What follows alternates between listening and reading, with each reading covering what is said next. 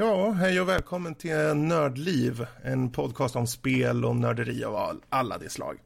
Eh, dagens datum är den 59 2015 tror jag bestämt och det här är avsnitt nummer 37. Eh, jag heter Fredrik och med oss har vi Karl, Lotta och Rob. Hur står det till? Hej.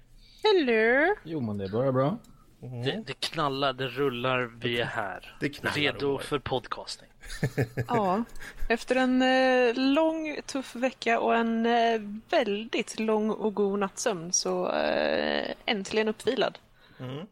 Nu kör vi! Härligt. Det, lå- det låter bra Lotta. Jag önskar jag kunde säga samma ehm, sak. Vi har ett eh, späckat litet avsnitt här. Det kommer bland annat vara snack om Arma 3-modsen Exile och Battle Royale och det, dessutom om spelet Deadpool, eh, The Secret Monkey Island och även Dragons Prophet.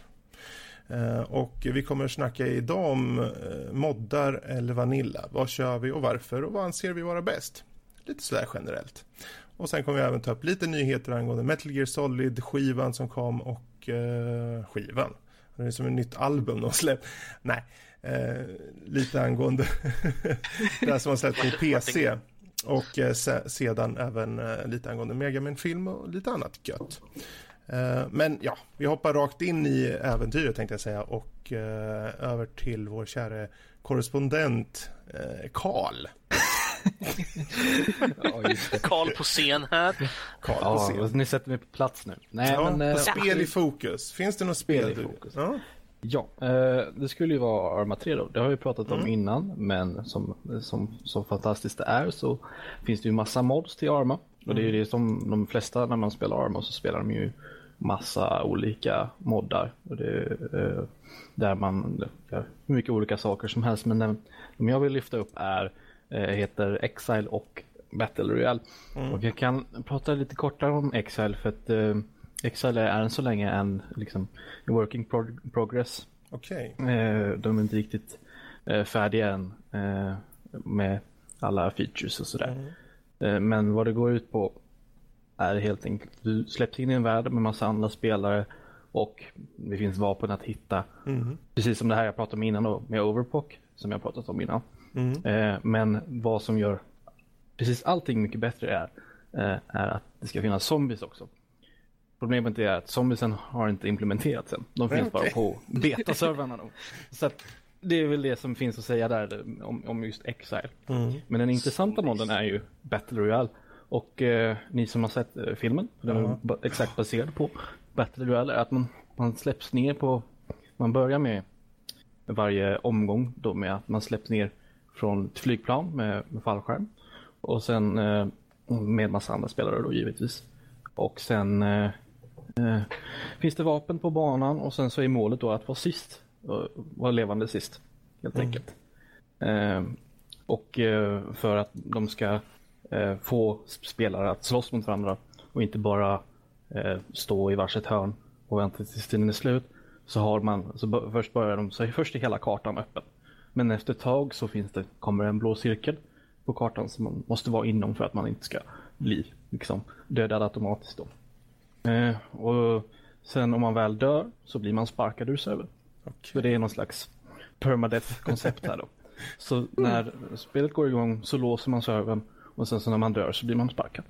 Helt enkelt. Och det är ja, precis som många av de här Arma 3-modsen ger ju det är en väldigt spänd spelupplevelse för man det börjar ju med att man kommer ner, man ska hitta något bra ställe, leta vapen för de finns ju oftast i byggnader va. Så först letar man eh, Ja, först så ser man, ja, här finns det byggnader, men samtidigt så ser man, ja, det är en massa andra folk på väg dit. Så då kanske jag ska chansa på att gå någon annanstans. Och sen hittar man vapen och sen så fortsätter det här med att man alltid går runt och man är alltid på span efter andra spelare och sådär. Ända in i det sista. Så att det är absolut en, en riktigt eh, rolig spelupplevelse, en ganska unik spelupplevelse skulle jag också vilja påstå. Är den modden alltså helt klar då eller? Ja, precis, den är helt klar. Jättebra. En fråga då. Är, man också liksom utklädd till typ en student och så eller? ja, massa olika skins, typ. Ja, jag vill se ut som en sån här ung uh, teen det, girl. Det, det, det, kanske man skulle föreslå att de lägger till så här lite, lite skoluniformer. Nej, men, ja. nej, men det, det, nej, men det, det är standardkaraktärerna i år. Jag tänkte just Battle Royale. Det var ja. Ja, ja du tänkte på sådana skoluniformer. Jag tänkte på en helt annan spelgenre. Ja. Men, eh... du gjorde ah, ja. det va? Wow. Ja. Ingen kommentar? nej, nej, nej, nej, det var No judging. No judging. Men eh, hur, hur, mycket har du kört av det liksom? Har du kört eh, Ja, alltså jag spelade ju några gånger för, för jättelänge sedan. Mm. Så något år tillbaka liksom. Och sen nu på senare tid så tyckte jag, bestämde jag mig för att hoppa in i det igen. Mm. Och alltså jag vill ändå ta upp lite mer det negativa med att försöka spela det här är ju att dels så måste du hitta en server som är, alltså, eh, är upplåst då. För att när spelet är igång så är det som sagt låst och det är ju det som tar längst tid. Va? Så det kan mm. hända att det blir mycket dödtid mellan spelen. Sen kan det också hända att ja, du, du, det tog dig tio minuter, en kvart att hitta ett spel, du kom in och sen så bam, dog du direkt. Och blir sparkad. Mm. Uh, så att det kanske inte alltid är jätteroligt. Det händer, det händer inte, varje match är inte jättespännande. Det händer att du springer runt och sen så hade den andra spelaren tur och hittade vapen innan du gjorde och sköt mm. ner dig. Och sen så är det färdigt liksom. Mm. Och sen så är du tillbaka till att leta upp en ny server som är ja, öppen. Precis. Men, det äh... låter spännande. Hela processen alltså. Ja, och sen så, när man har väl hittat en server ska man ju vänta på att den har tillräckligt mycket spelare så alltså, den, det är ju en populär så mm. spelare, men det är också, du måste ändå hitta en server. Liksom. Okej. Okay. Ja, Arma 3, vad, vad, vad, ligger det på ungefär uh, i pris? Vet ja, eh, jag kan slå en snabb titt. Jag tror att det inte är jättedyrt faktiskt. Jag, tror, jag, vill minnas, jag vill minnas att det kostar typ 40 euro. Mm. Men eh, låt oss slå en. Vad, det För jag har faktiskt funderat på Arma. Ett, eh, jag, menar, jag, jag kommer ihåg gamla Operation Flashpoint körde en hel del. Och eh, när de då, eh, vad heter de? Heter de Bohemia? Mm, precis. Ja. Bohemia Interactive. Eh, när de då gick över, eller de fick, hade ju inte kvar Flashpoint. Det tog ju väl, um, jag vet inte, kommer inte ihåg vad förläggaren heter. Men det togs över. De försökte göra ytterligare spel på det, men det vart aldrig lika bra ty tydligen. Eh, så det vart ju Arma istället som de gick över till. Och det har mm. alltid varit intressant men aldrig mm. riktigt tagit med tid. Uh, basspelet Arma 3 kostar 45 euro. Mm. Sen så finns det en del DLC-paket också med lite mer innehåll. Och du kan köpa en bundle för 60 euro så får du all DLC inpackat i det. Mm. Så det är så det ligger till.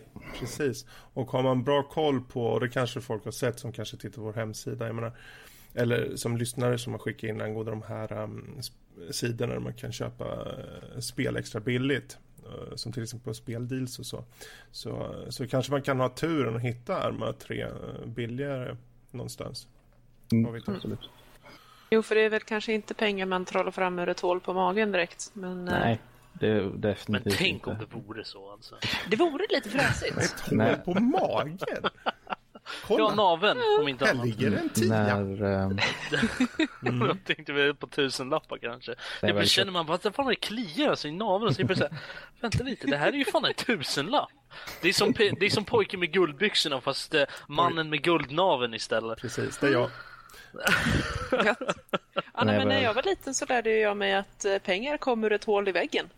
När man var ute på stan med mamma och pappa. Okay. Ja, just det. Precis. Så, att, så fort de tyckte att nej, men vi har inte pengar till det här, då var det ju bara att föreslå att man går till hålet i väggen. Mm. Det var det ju bara att hämta pengar. Det betyder yes. någonting helt annat för mig. Gör det. Och för, ja. Det ska vi inte gå in på. Var, Nej, var det något mer du väggen? Det ville säga där? Nej, jag skulle typ ta upp det att när jag köpte Arman så köpte jag det för fullpris. Sen typ två dagar senare så var det på 30% rea. Jag hatar när sånt händer. Ja. Man lägger ner massa pengar och så dagen efter så är det rea liksom. Ja, sånt det, där, det var bara det jag ville säga. Så, mm, ja. Mm. Men du känner i alla fall att även om man skulle hitta det till fullpris så är det värt det? Ja, eh, kanske. Eh, Arma 3 är ju kanske inte ett eh, spel som eh, vi tänker liksom är för alla. Nej, det är ju ingen mainstream-spel direkt. Nej, det är, i grund och botten så är ju Arma en krigssimulator av det eh, väldigt hardcore slaget. Va? Det är ganska mm. kom komplicerade kontroller och eh, överlag så, så är det liksom inte den här eh, eh vad ska jag kalla det, instant gratification spelmodellen som alla andra spel har. Som tänker typ COD och alla de andra skjutspelen, CS och sånt där. Alltså, det, det, kan, du kan sitta timmar i Arma utan att det händer någonting egentligen. Mm. Mm.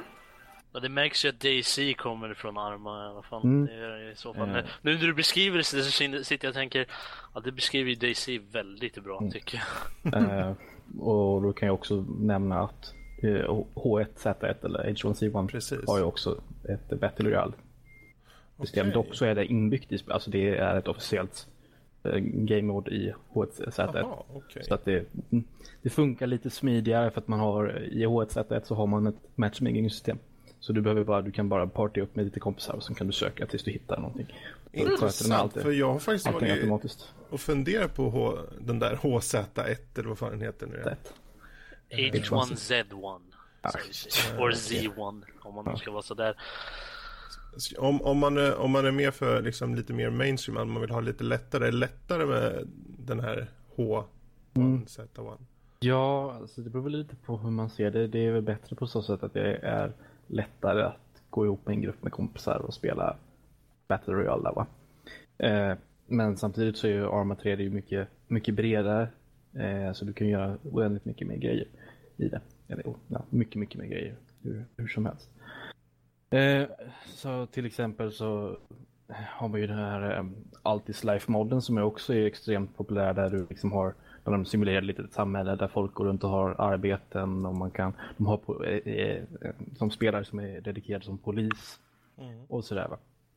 Så att eh, ja, det finns, alltså Arma 3 är ju på något sätt mycket större, mycket bredare, mer att göra. Du kan ju givetvis spela det som det är tänkt också med den här krigssimulatorbiten.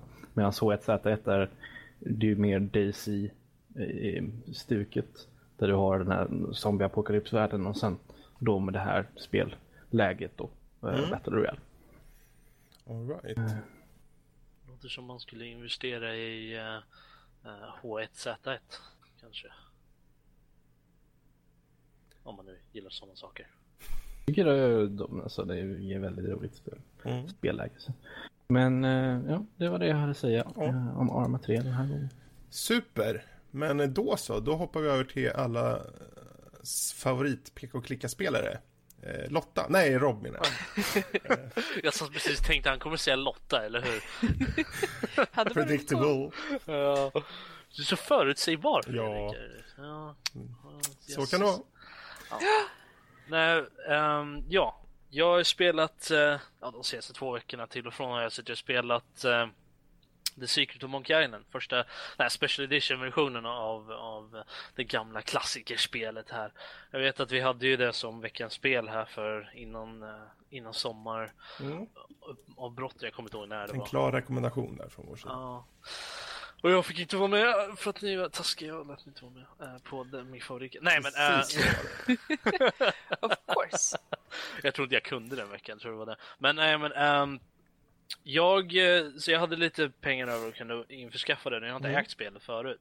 Så jag tänkte jag ska sätta mig och spela det då och testa att köra det i... Eh, för jag, mina nostalgiska minnen till det här är, är, enorma och ni kan höra mer av dem i en studiespel uh, när det kommer till pk Men um, så jag har, jag har väldigt starka minnen av det här. Jag ville köra, kände mig lite nostalgisk och ville köra lite mer av det då. Mm, uh, mm. Ville testa den här Special Edition då, för jag har aldrig gjort det. Och jag måste ju säga att det är jag gillar inte äh, karaktärsdesignen på Guybrush. Äh, huvudpersonen Guybrush Threepwood. Vill ni veta mer om historien av det här så det finns vi har två stycken podcast som gäller angående äh, just det här. Äh, så att jag behöver inte gå in mer i det, men jag måste säga att några av de grejer som jag stör mig på i spelet är dels det att interfacen är väldigt den är lite jobbig det här med att man måste scrolla för att få fram rätt Eh, rätt uh, sak att använda mm. där, push-pull och de där. Men när man hade de här verben liksom liggandes längst ner på skärmen så kunde man ju snabbt klicka på vilken där man ville uh, och så. Um, mm. Så det var väldigt jobbigt att behöva scrolla och speciellt om man var tvungen att göra det in i inventoriet också. Det var väldigt, alltså det är ju det är ju påbörjan till en bra design medan det, det, är väldigt irriterande och speciellt om man ska komma ihåg, okej, okay, ja, det, de är ju ganska intuitiva själva bilderna. Man förstår vad det är, okej, okay, han pratar, det är dra, det där är push liksom sådär. Så det är inte sånt det är problem med det, men däremot så är det ganska jobbigt om man ska hålla på och scrolla igenom dem mm. och, och sen bara, ja, oh, men jag ska snabbt ha den där, okej, okay, vilket håll var den åt? Det är mm. jättejobbigt.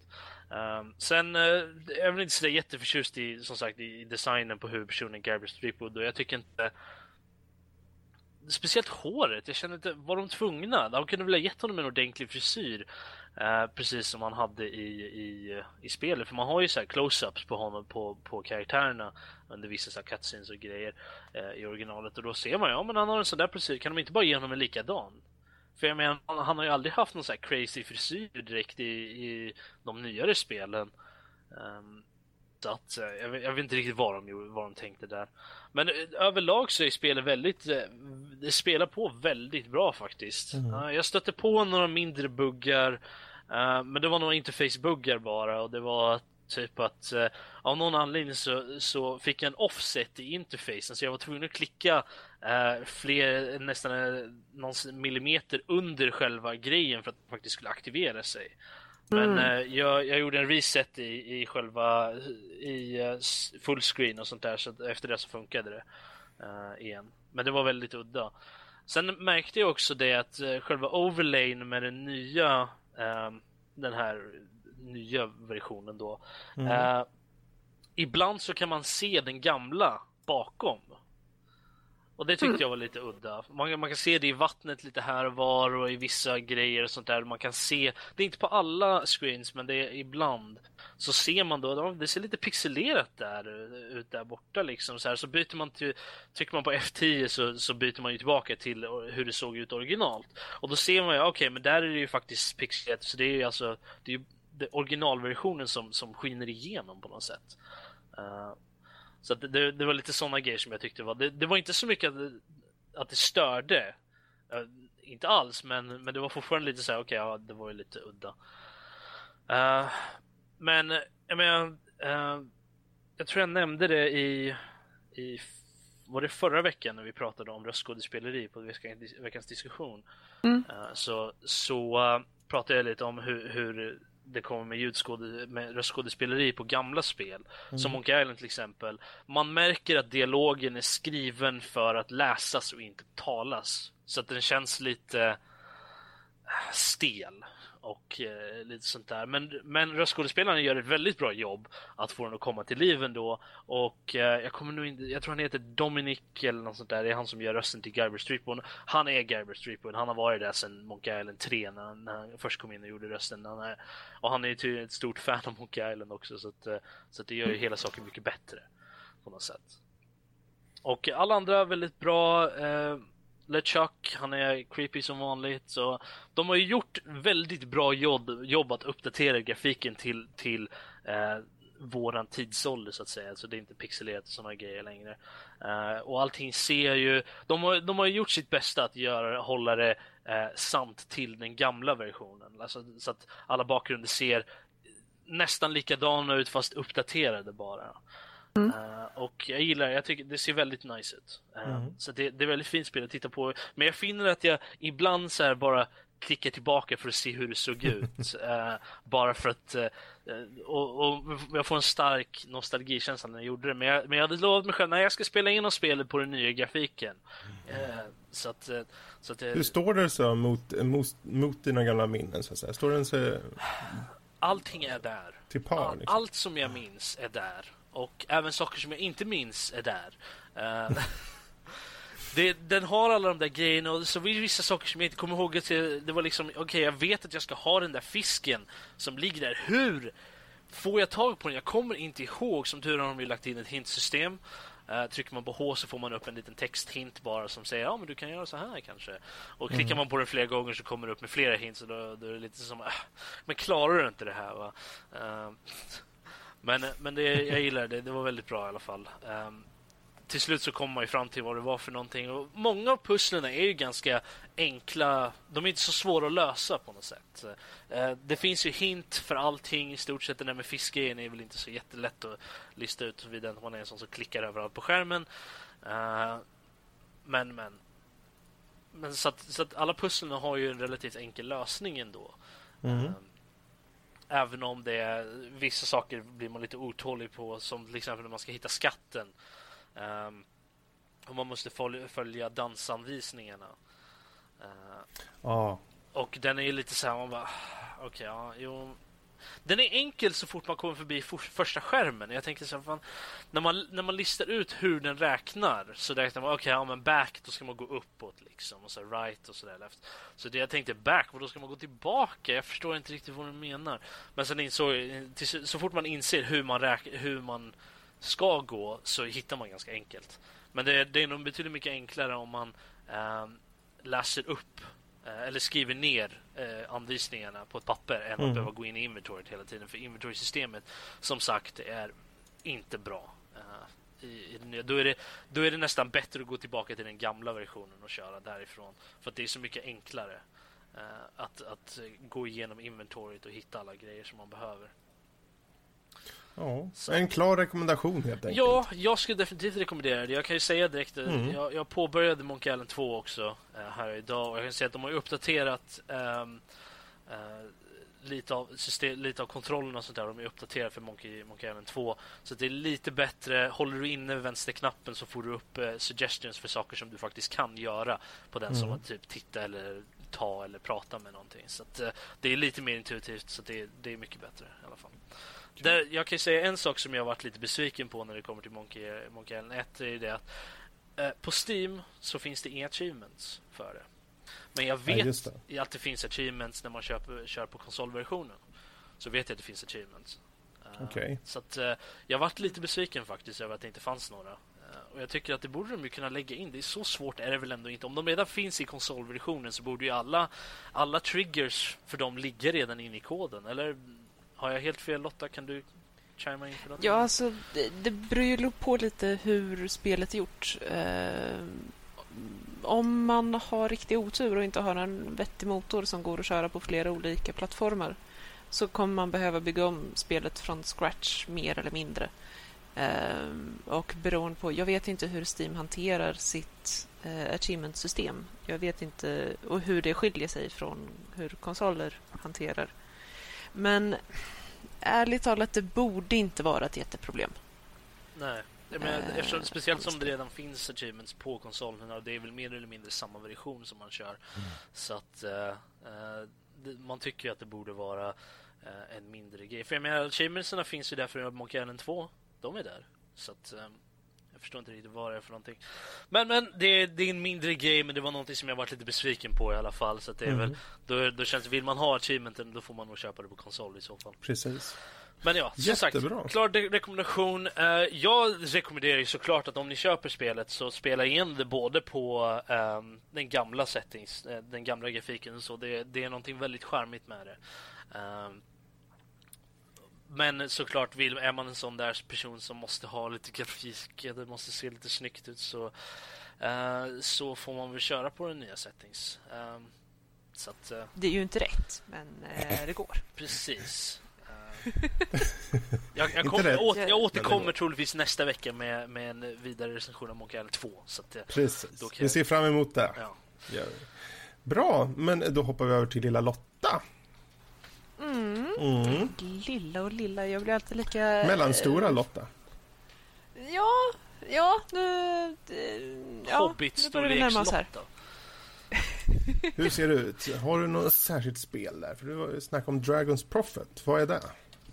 Ja, eh, du vet, jag kände att när jag räknade ihop de olika MMORPGs jag har eh, så tyckte jag att det räckte inte med Final Fantasy, Elder Scrolls Online, Star Wars The Old Republic, WoW, C9 och så vidare. Du hade eh, några timmar till övers alltså?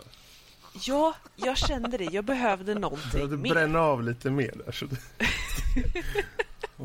ja, precis. Hmm, vad kan jag fylla eh. upp min tid med mer här? Hmm. Mm. Varför inte till MMO? Och eh, efter allt eh, snack om eh, drakar och skrikande karar så kändes det väldigt trevligt när då Dragons Prophet trillade i knät på mig. Mm. Ehm, det är free to play. Man kan betala för en viss in-game currency som man kan göra en del roliga grejer med. Mm. Det är sant. Eh, Och bland annat snabba upp tiden för vissa olika grejer och så. Men ja, jag har än så länge inte upplevt att det är pay to win. Mm. Även om det kan underlätta en del. Ehm, som eh, namnet antyder så har det väldigt mycket med drakar att göra. Eh, du kan... Jo, visst är det coolt? Det finns alltså i Loren någonstans djupt nere en hint om ett djur som skulle kunna vara en drake. Oj, oj, oj. Eh, nej, eh, det är eh, mer eller mindre det första du stött på. Eh, och du eh, kommer att kunna tämja drakar och träna drakar och ha drakar i ett litet stall och få drakar att plocka blommor åt dig eh, och så vidare.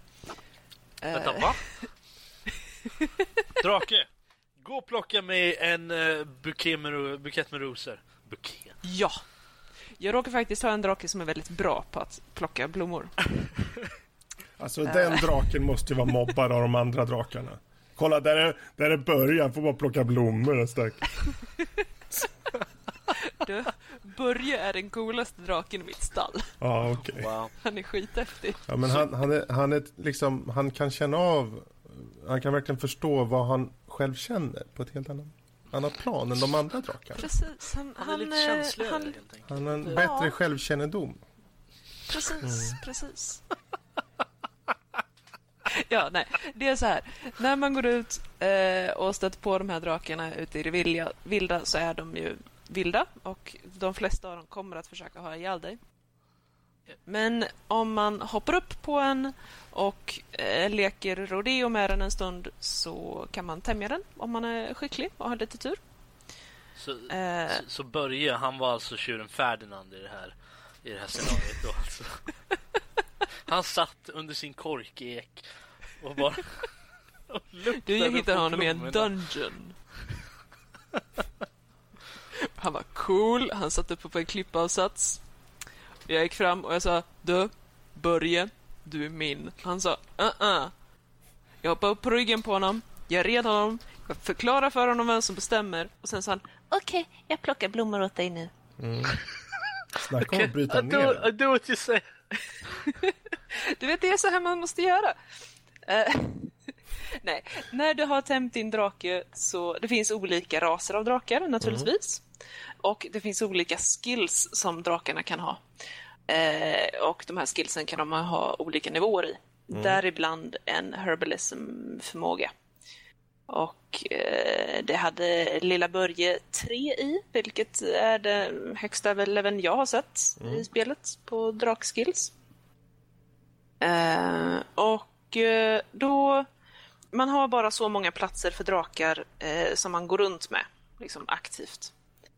Eh, och då kan man välja, det, det är nästan lite Pokémon-känsla. Jag skulle jag precis dig? säga det. Har du, är det Pokémon med drakar eller? Nog för att Pokémon är Pokémon med drakar, men i alla fall. Eh, nästan lite. Ehm, nej, men då i alla fall så kan du... Dels så kan du ta fram din drake för att rida på den. Eh, och vissa av drakarna kan ju flyga naturligtvis. Inte alla, men en del. Eh, de som inte kan flyga kan glida i alla fall. Eh, och eh, sen kan du också ta fram dina drakar och så kan de slåss med dig en viss tid. Eh, och eh, du kan ju då träna dem både i sina fighting skills och sina icke-fighting skills. Eh, och de har den här uppsättningen de har från början. Eh, och de drakar du inte går omkring med kan du lägga i ditt Dragon Lair. Du går till din Dragon Lair Master och så säger de Hej, jag har hittat en drake. Han får bo hos dig. Och så säger han Jajamensan, vill du träna din drake? Så säger du Jajamensan. Och så tränar du din drake och så är han färdig efter en stund. Eh, och då levlar han ju då XP i de här grejerna och så hämtar han dessutom till exempel blommor om det är den skillen du tränar. Eh, lite fram, längre fram så kan du också få din drake att evolva Eh, jag har inte kommit så långt ännu, men det låter coolt. Mm. Det, alltså... Allt jag hör här är liksom, ja men de, de tog Pokémon och så kollade de på det och tänkte det här spelet behöver mer drakar. och eh, så gjorde de det helt enkelt. Och så gjorde de det till MMORPG. Men, du vet, det finns en cool sak till. Istället för att, som i Pokémon, så står du och är helt värdelös bredvid medan dina drakar gör allt coolt. Så slåss faktiskt du också. Precis, jag tänkte fråga hur ser det ut med klasserna för eh, alltså de karaktärer man själv väljer då alltså? Eh, finns det mycket Eh, att välja mellan? Ja, ja, det finns inte jättemycket att välja mellan. Det finns fyra olika klasser. Eh, Guardian, Oracle, Ranger och Sorcerer. Eh, Guardian är, well, din generic warrior type. Eh, med enhands och sköld eller tvåhandsvapen. Ranger är, ja, precis vad du tror det är. Det är en Ja. kille med en båge som springer runt och, och eh, dubbelflippar och, och eh, ser cool ut. Mm. Eh, Oracle springer runt med en enorm lie. Och eh, Of course. ja, eh, of course. Är, det, det är en lite intressant klass. Det är en melee spellcaster. Så att den gör magic damage med sin enorma lie. Eh, och håller på en del med buffs och debuffs och sånt skit också. Eh, och så har vi Sorcerer Ja, eh, som, ja, eh, ranged spellcaster. Precis. Eh, Ja, men det behövs för egentligen inte mer. Det räcker väl de klasserna tycker jag. Ja, det gör det egentligen. Och det finns en, också en hel del specialiseringar du kan gå in på. Eh, Du låser dig inte vid en specialisering som i till exempel WoW eller liknande. Eh, Utan du lägger ut eh, poäng i skillträd helt fritt. Ja, okej. Eh, Och dessutom så har du kombos som du kan träna. Eh, Det, det är alltså nästan lite fightingspelkänsla. Det är ett, två, höger, höger, vänster, vänster och så får du en helt ny attack. Jaha. Eh, Och det känns lite fräsigt. Mm. Det blir ytterligare en nivå av spelet. Eh, I och med att de här, de här kombisarna syns liksom inte på skärmen att nu borde du trycka det här. Eh, då händer någonting coolt. Utan du får helt enkelt gå igenom dina skills och se att ja, men den här kan komba till det och det och det och det om du gör så här och så här och så här. Eh, targeting system är ja, sort of automatic. Mm. Ehm, du targetar eh, det som står närmast dig i rätt riktning. Eh, det är lite speciellt eftersom en hel del fiender har olika charge-förmågor så då kommer ni passera igenom varandra. Och då får du se till att vända dig om annars så står du och attackerar luften som ett fån. Eh, jag har absolut inte gjort det här Mhm. ever. Eh, jag ser aldrig ut som ett fån. Självfallet inte. Nej, nej. Nej, jag, jag, tror, jag tror det Lotta. Jag, jag förstår vad du menar. Men jag å andra sidan har ju, när jag har spelat... Du ser ju eh, mer ut som ett fån, eller vad är det ehm, jag, jag ser bara ut som ett fån, men jag är inte ett fån. Okej. Eh, Ah, det, okej. det är två skilda Ja. saker. Nej, men det, jag Ja. känner igen det där lite när man har spelat uh, andra MMOs, även jag menar, som Arcage och, eh, och Mm. Nice, eller Old Republic också. Ehm, att eh, om man, om man inte är tillräckligt nära så står man bara och, eller siktar Mm. lite åt fel håll så, så, står man, så slår man bara i luften och det blir ingen skada på fienden. Även fast man känner liksom, ja men jag har ju den fienden markerad. Jag tycker faktiskt att även om jag står åt andra hållet så borde jag slå på fienden. Eh, Men nej, eller att karaktären i alla fall skulle automatiskt vända på sig. Men nej, så funkar inte världen. Det är nu. Och då står man och ser ut som ett fån. Uh, Ja. Fast man inte är ett fån. Eh, hur Precis. mycket Lotta än säger. Att, På tal om att se ut som ett fån, karaktärsskapandet är lite... eh, Ja, fånigt. s- Jag skulle sagt speciellt, men ja, det är lite fånigt. Eh, Du kan bara vara människa. Eh, och det är väl helt okej, men... Oh, det, grabbarna som gjorde det här spelet, de, de har ingen riktig koll på hur människor ser ut. Okej. Um, alltså jag, jag försökte skapa en någorlunda, okej, anime-version av en faktisk fysiskt korrekt människa. Det var en utmaning. Man kan bland annat ändra bredden på axlar och, och liksom hur pass framskjutna de är och så vidare och det är jättehäftigt. Eh, höfterna, hur, hur de är utformade och sådär, men det blir ändå bara skevt på något sätt. Eh, men en rolig parentes om det är att som kvinna så har du, jag tror det är fem olika sliders för dina bröst. Ja. Eh, hur, hur, stora de är, hur de är formade, hur de mm. sitter mm. och så vidare. Det, är, det är lite spännande. Jaha.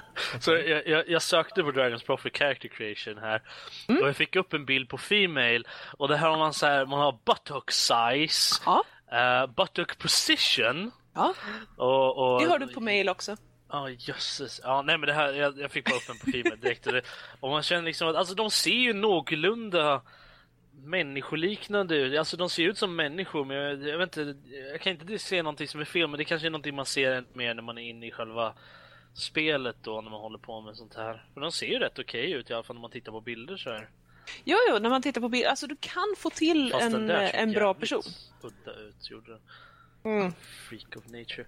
Uh, ja, alltså eh, originalmänniskan, i alla fall kvinnorna i eh, Character Creator Alltså de, de har inga axlar. Och titta här, jag hittar den här med, eh, här finns det en bild på, på äh, brösten. Upper mm. chest thickness, upper chest ja. width, breast size, breast height, mm. cleavage, breast angle och breast shape. Yes. Wow.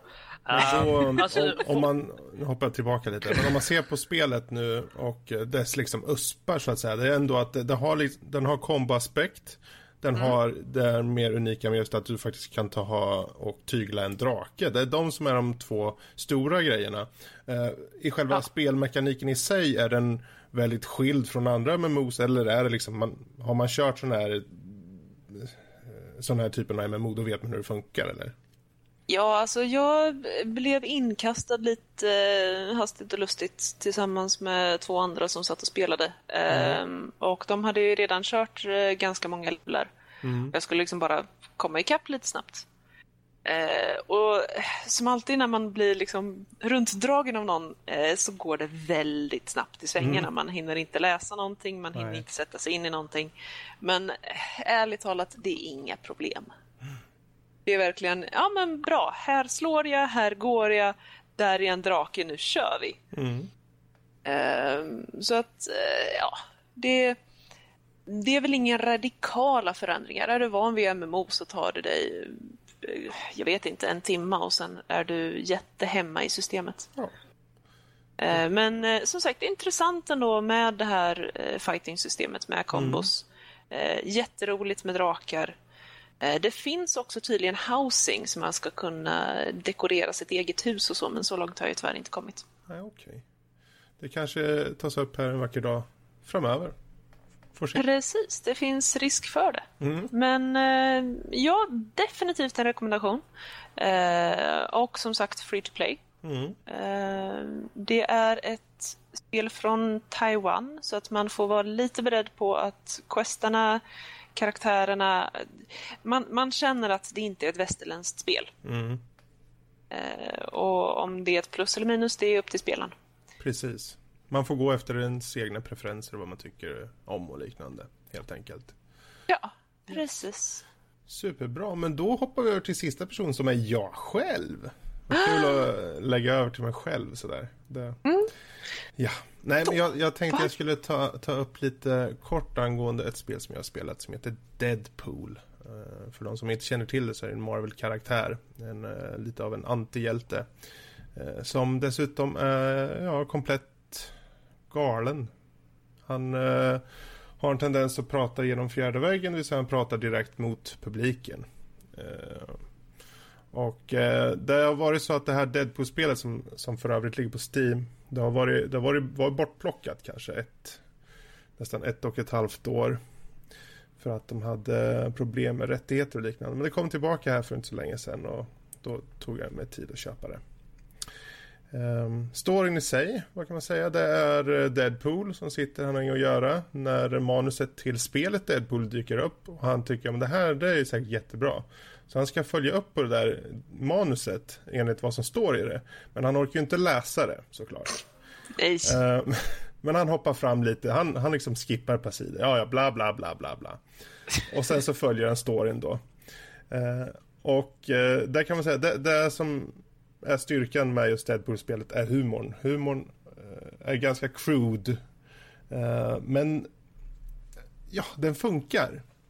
Det är så mycket referenser i det och det är eh, lite brutal humor från och till. Och, jag menar, ett tillfälle så träffar han på sin gamla vapendragare som heter Cable. Cable är en sån här eh, stentuff kille som tycker om att prata om eh, öde, i ödesmättade dialoger om vad som ska behövs göras och så vidare. Och där står Deadpool och lyssnar och han tycker det är så tråkigt så han, man, man får det som en liten event att man, man ska skjuta huvudet av sig själv för man orkar inte lyssna på det vid ett tillfälle. Ah. Eh, så där, där, ser man lite hur det är mellan liksom, eh, själva gameplayet då. Så har man lite sådana här små eh, saker i storyn. Och det är det bästa med spelet. För dessvärre så själva spelet i sig, det säga när du ska ut och slåss, du har eh, inte så mycket variation i det hela. Du kan bygga upp kombos och liknande men det, det är inte som att det finns en hel hög av dem. Och eh, det är egentligen två knappar rakt igenom på allting känns det som.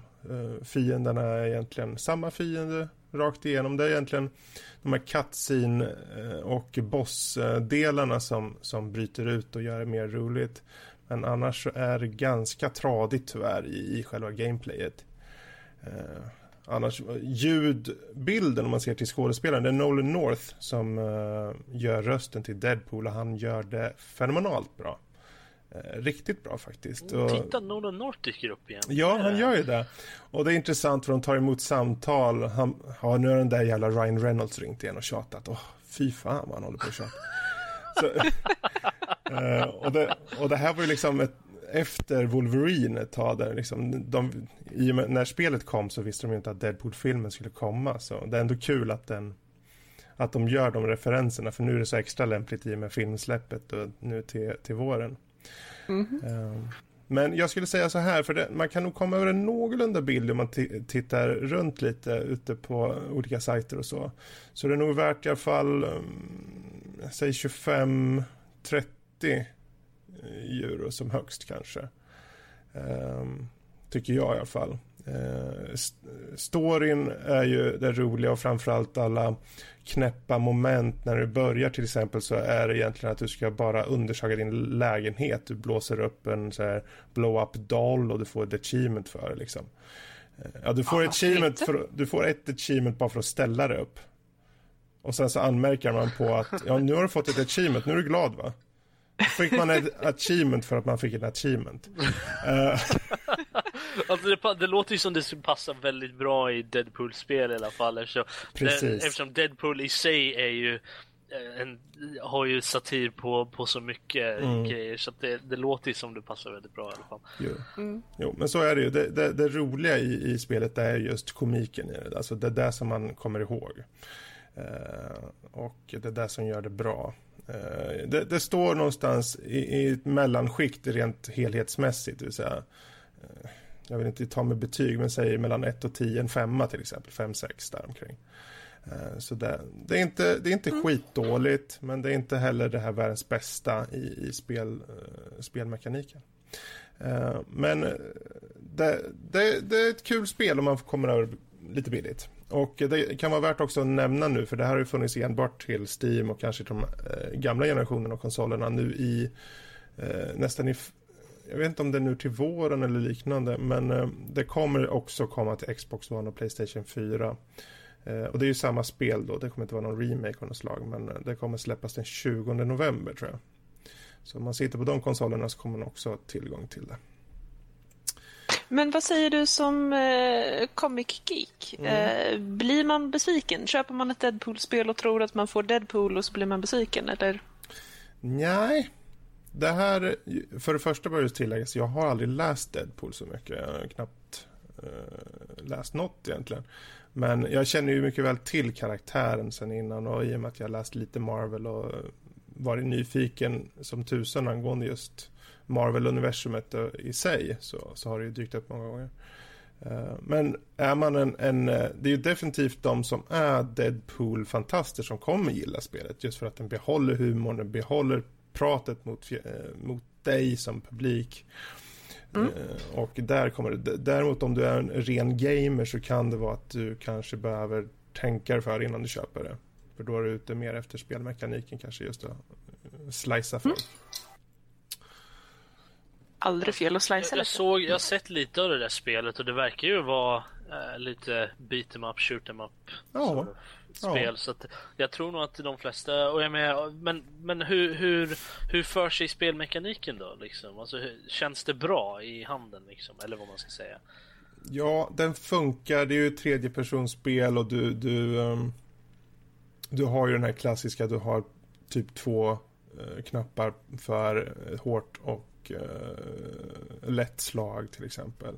Och sen så kan du på tredje knappen skjuta eller använda de olika vapen du har. Och that's it. Du kombinerar de tre i princip för att få olika kombos. Så det är inte så, det gör ju att spelet i sig, i sig tycker jag upplevs ganska så spartanskt. Alltså det blir lite det blir lite tradigt just för att det inte finns så mycket att göra i det. Man känner mm. nästan i många, många banor att det är liksom bara ett, eh, ett, en väntan på att bli klar med banan ibland för att det bara öser på med fiender och det är inte någon, någon direkt svårighet att ta ut dem och ibland så är det mer att det är mer som att fienderna dessutom är byggda just på mycket HP. Det är inte som att de har någon finess till sig. Utan eh, det är mest att de här är jättestarka så du måste bara nöta ner dem. Mm. Och eh, sen om det är en svårighetsgrad eller inte, det, jag, det är bara en fråga om att de är väldigt starka och du måste nöta ner dem. Du får slå ett par slag, skjuta ett par, slag, eh, par skott på dem, backa och sen vänta in dem och sen göra så. Och sen tar det, ibland tar det en bra stund att få ut dem liksom. Ibland dör man bara av ren, för att de nöter ner dig. Fast, mm. fast du är Deadpool som är en regenererande superhjälte som kan teleportera. Uh, så. Och där, han anmärker det själv. Ja, nu dog du, trodde du ja. Och sen kommer han tillbaka i spelet i princip. så. Nice. Such is the nature of Deadpool. Yes. Men mm. där har vi det i alla fall angående Deadpool. Så mm. låter vi Spel i fokus uh, vila för den här veckan. Och uh, går över till nästa moment som är spelnyheter. Och eh, den här veckan har vi två spelnyheter vi tänkte belysa. Det är Metal Gear Solid 5 först som vi tänkte ta upp lite angående. Och eh, det är just att i och med släppet nu så har ju det släppts självklart i Steam. Och eh, med det sagt så har det släppts som retail. Och på retail-skivan så finns enbart en Steam-klient. Eh, vilket har släppt har gjort många gamers lite mer upprörda. Eh, för min del vet jag inte om vad jag tycker, men jag vet inte, vad tycker ni om det här att spel ska köpas på skiva? är ju vad många säger. Men när man köper det här spelet så finns inte spelet på skivan. Ja, kan väl, eh, Lotta vill du köra? Ja, eh, ja, jag bryr mig inte. Mm. Eh, kort och gott. Eh, nej men det du, det du köper i handen är möjligheten att spela spelet. Yes. Okej, visst, jag tycker om känslan av att veta att ja, men om det är så att världen går under, om Steam dör, eh, om internet blir övertaget av eh, the hive mind, eh, då vet jag att jag i alla fall har mitt spel stående i hyllan. Okej, visst, det är en mysig känsla, men ja, jag är jag är inte så jättekär i det, ärligt talat. Mm. Uh, jag, visst, jag tycker om att ha boxen stående i hyllan. Det tycker jag om. Men det har man ju ändå om man faktiskt har köpt boxen. Ja. Ska vi, ska vi ha det inställt att vi bara köper boxar nu för tiden så får man en liten kod inuti? Eller? Mm. Vad känner du då Karl? Ja, alltså jag, jag, vi har diskuterat det här innan och jag är definitivt uh, stödjer digital nedladdning. Det är så himla smidigt. Alltså, jag spelade ju på en konsol innan jag bytte till PC och det var liksom så här. Man skulle ha plats för alla spel och sådär. Mm. Det är bara, jag, jag har tillgång till, till 200 spel på bara mitt spelbibliotek och de bara finns där digitalt. Jag behöver inte ha 200 eh, DVD eh, som, eller sådana här lådor liggandes. Liksom. Mm. Mm. Flytta mm. runt så. precis. Men sen när det kommer till det här, just den här specifika nyheten, alltså jag skrattade rakt ut när jag såg det. Det är så himla löjligt. Vill man eh, då sälja sitt spelbutik så skulle jag, skulle jag kunna tänka, ja ah, men då säljer man en liten lapp med kod på så att man kan skrapa fram koden. Typ. Det skulle jag kunna tänka mig. Ja ah, visst. Ja. Men att inkludera en CD-skiva med en Steam-installer på, vad är det? Är det något aprilskämt eller? Liksom, det är så här, eh, vad är poängen liksom? Har du, så att du ändå ska ladda ner spelet så kan du ändå ladda ner Steam. Och har du köpt, alltså, du förstår. Eh, nej, jag förstår. Nej, Alltså, det- jag, det- det var inte någon som tänkte till där ordentligt. Jag håller, jag håller med dig där. Jag tyckte också det var lät lite samma. Vad, vad, hur tänkte de med det här nu då? Eller det, alltså, det måste ju vara ett skämt på något sätt. För menar, det, känd, det, kändes, det kändes väldigt löjligt faktiskt att faktiskt ge ut en skiva med 8 meg content på. Det, det kändes väldigt onödigt om inte annat. Slöseri med resurser skulle jag vilja påstå. Mm. Till och med. Och jag menar, det är ju så jag säger det liksom. Det, det är det som kallas för det. Men det, det är bara att ge oss en lapp med Steam-koden istället om det ska vara så. Ni behöver inte ge oss en skiva. Det tycker jag var bara väldigt... Men de som inte har Steam då, de som inte vill ha Steam. Måste de ha Steam nu bara för att, bara för att spela spelet? Ja, Det tycker jag också är... Det det är ju... Då, Jo, fast där är de ju inte något. ensamma. Det finns ju ganska många olika spel som du måste ha. Eh, Steam eller Uplay eller... jo, Eh, jo, jag vet. Jag tycker, men 3 jag tycker det är löjligt också. Så att... eh, Ja. Eh, Nu, nu kan jag inte jag så mycket om det här spelet, men ändå. Så att, men jag vet inte hur mycket online features det har eller något sånt där. Men oftast när de tvingar en att ha någon form av connection till Uplay och sånt där så är det för att de har någon form av online feature som, är, som då är, är, är kopplat till deras, deras tjänst. Då. Men eh, spel som inte har det, de ska man ju kunna spela utan Steam. Tycker jag då. Eller sånt där. Man, be- man behöver inte, man ska kunna launcha det direkt från, eh, från skrivbordet utan att behöva gå in i Steam. Liksom. Kan, kan det vara så här att det här är liksom Vi har levt så länge och framförallt utvecklare och då förläggare har levt så länge med att du ska släppa en skiva. Alltså en, en, en retail med en skiva.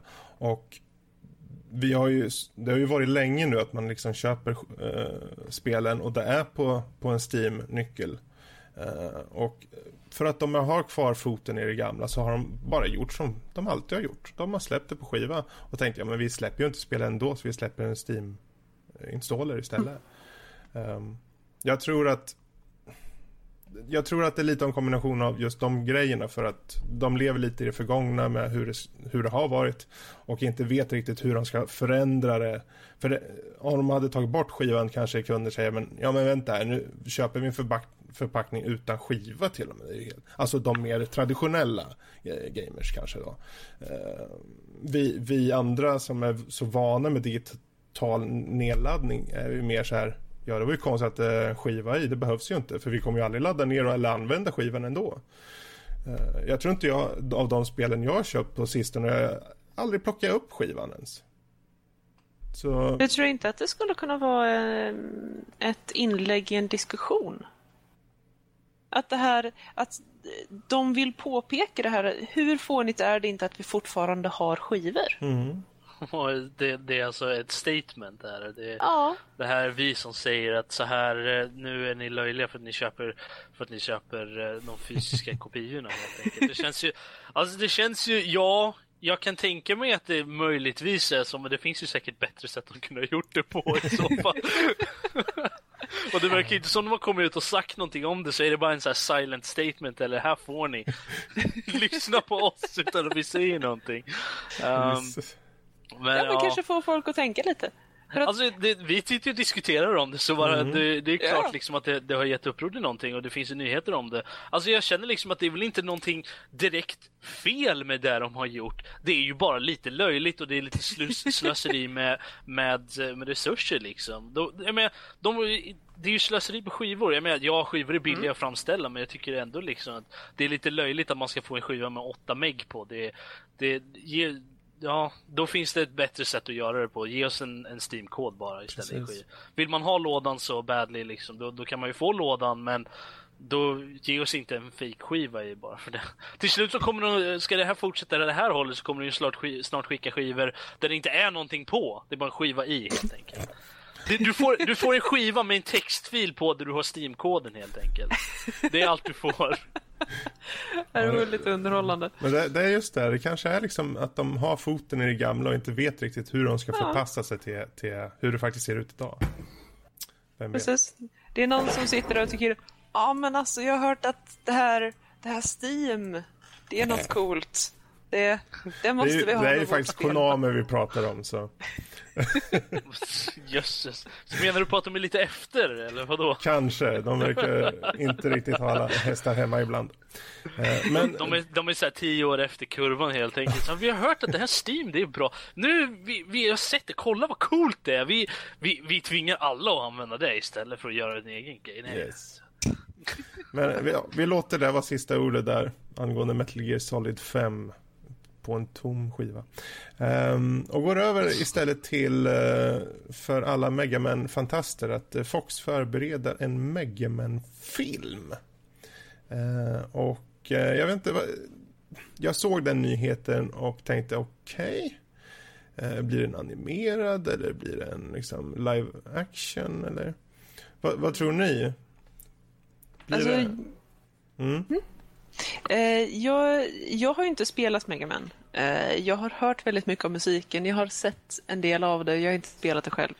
Eh, men det känns ju som att den är väldigt väl anpassad för att göra anime. Mm. Kan bli klurigt att få det helt bra. Men den, den känslan, den stilen att få det i spelfilm. Ja, det, blir en, det skulle bli en redig utmaning. Mm. Jag funderade ett tag när jag såg det, att de funderade på det, om, som, om eh, är det här liksom en slags reaktion på det att Jack and Dexter gör som spel, från, är det film inom kort? Eh, jag menar, det, de här mer plattformsspelen har inte riktigt visat sig vara en bra eh, häst att sätta pengar på, om man säger mm. så. Om man ser på Super Mario Bros som kom för 20 år sedan. Eh, men det här är ju, jag menar för spelet i sig är ju liksom, du springer runt som en blå filur och eh, skjuter och sen har du bossar. Mm. Eh, jag tänker, okej okay, men det är kanske, jag vet inte hur, hur, hur det ens kan, det finns ju en tv-serie på det. Eller fanns, på 90-talet mm. fanns det ju en, men um, jag vet inte, som en film. Ja, alltså, men jag, jag, alltså jag spelar Mega Man lite till och från så Jag har väl aldrig klarat av något av spelen för att jag aldrig orkat hålla eh, intresset tillräckligt länge. Um, men jag har sett på andra som har spelat det också och sånt där. Men jag, jag har ju kollat på en av animerna som fanns. Den är väl inte riktigt relaterad till spelen så det är jättemycket. Det är väl mer baserat på samma koncept. Uh, någon snubbe som springer runt och skjuter grejer. Mm. så det funkade ju som anime så jag kan ju se att de kan säkert göra det som en film då.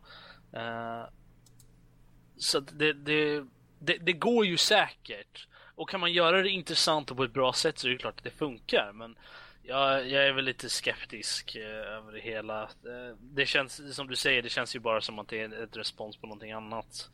Eh, om något. Eh. På ett sätt tycker jag det är bra ändå. På, för att när filmstudios tar upp fler och fler eh, spel så här till att göra till film så kommer det till slut komma peppar peppar, ett mm. eh, spel till film som faktiskt är bra. Eh, jag menar Danny pratade Oj oj oj! nu menar, kommer de stora grejerna. Ja men Danny pratade ju förra veckan till exempel om Hitman och hur usel den filmen var.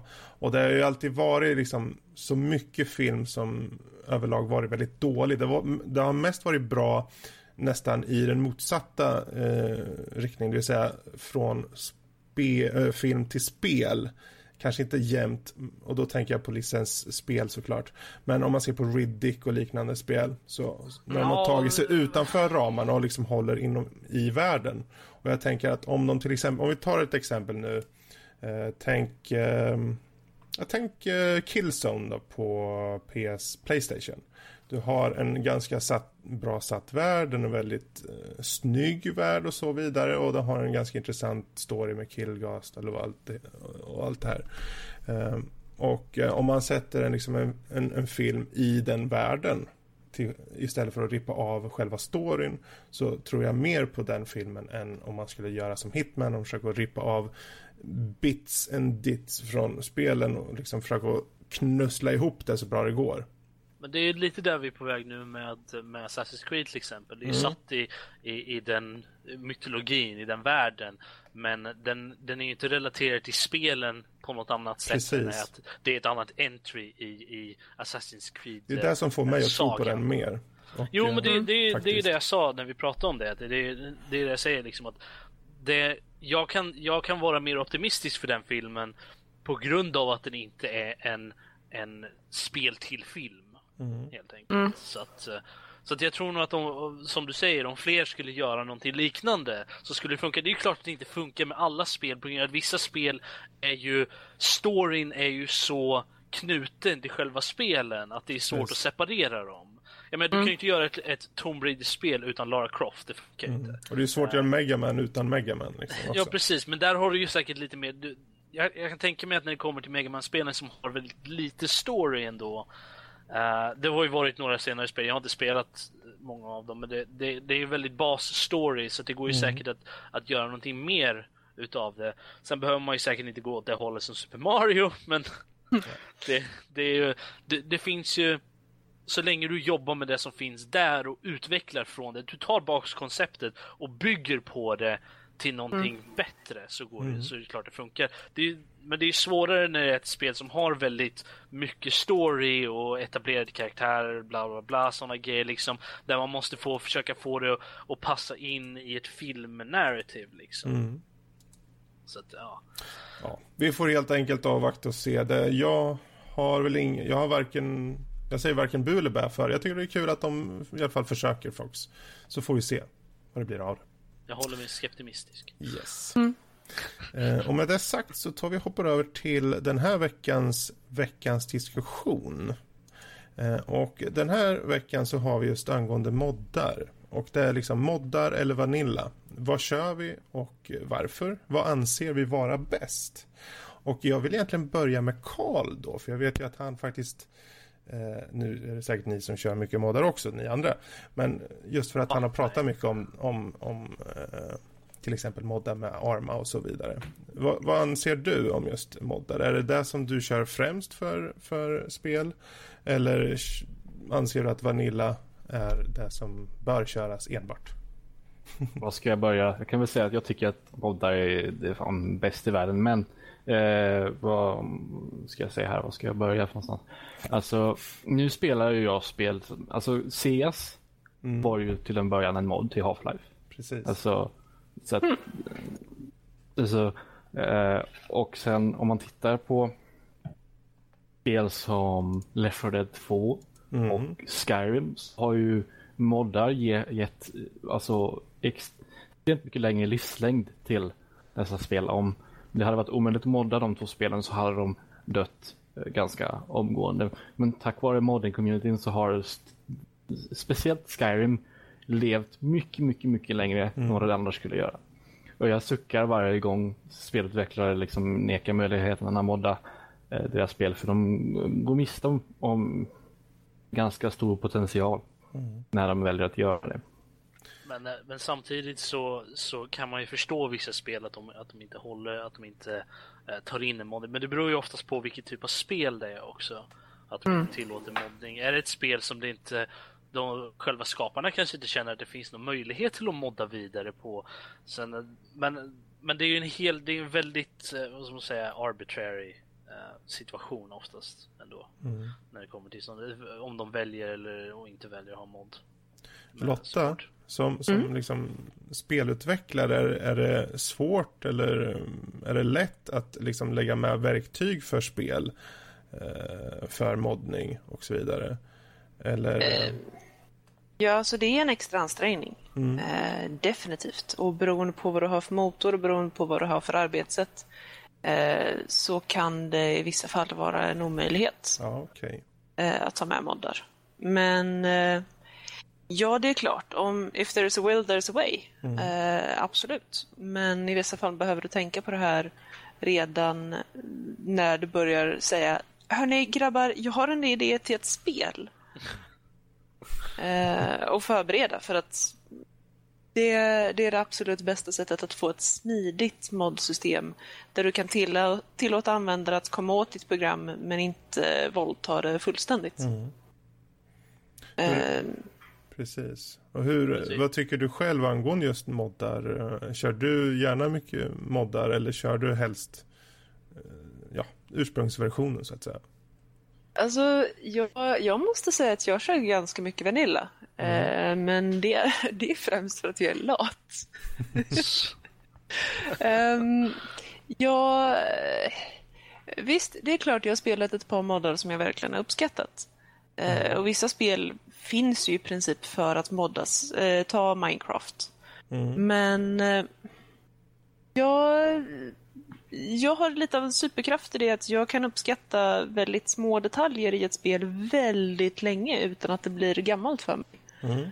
Eh, och också komma tillbaka till spel som jag spelade för två, tre månader sedan och upptäcka nya saker. Mm. Om det så är att, åh, men gräset, om man ser det från den här vinkeln, har en slightly annan nyans. Mm, då kan jag tycka att det är skithäftigt. Alltså, vår, vår eh, favoritsnorskis brukar ju prata om att han kan gå runt i eh, tio timmar och liksom studera väggarna. Mm. Eh, ja, ja, det gör jag också. Eh, så att jag kan vara underhållen av en Vanilla-version av ett spel ofantligt länge mm. innan jag börjar behöva moddar. Eh, men om det är någon som rekommenderar den och gärna som installerar den åt mig, eh, visst, då är, mm. då är jag på liksom. Men eh, jag är mest lat. Och du då Rob, nu svarar du egentligen lite på det förut, men hur känner du då? Alltså, jag tror att det beror på vilket spel det är ofta. Är det sådana spel som, som lånar sig väldigt mycket till att de, de har moddar som jag uh, tog upp Left 4 Dead till exempel. Mm. Uh, där hjälper det en att hålla saker vid liv, liksom att få extra banor och sånt där och, och sådana saker. Uh, sen finns det vissa andra spel som jag känner, varför ska man ha en mod till det spelet? Som Assassin's Creed till exempel. Jag kan inte tänka mig vad man skulle ha för mod till det spelet. Uh, det är väl kanske min fantasi bara som är limiterad i så fall, men det, vad ska man ha för mod till det? Jag vet inte. Jag, jag Mer uppdrag, bättre grafik. ja, men det räknas, jag tycker inte, det, det, räknas inte som en mod tänker jag inte då, utan det, det nog för att jag vet att det är sådana existerar, men det känns som att varför? Det, det spelar, det, ja, det hjälper får, inte. Får göra en total conversion och förlägga det i Örebro då? Mm. Ja, vi kan Eller... importera din, din stad från eh, vad ja. det, City Skylines där. Ja, precis. Mm. Det är lite fräsigt. Och kan importera oss. Vi kan springa runt där som uh, halvdana assassins. ja, eller hur. Nej, men eller alltså... Darth Vader. Man kan ha Darth Vader som huvudpersonen. Oh, Assassin's Creed, Star Wars.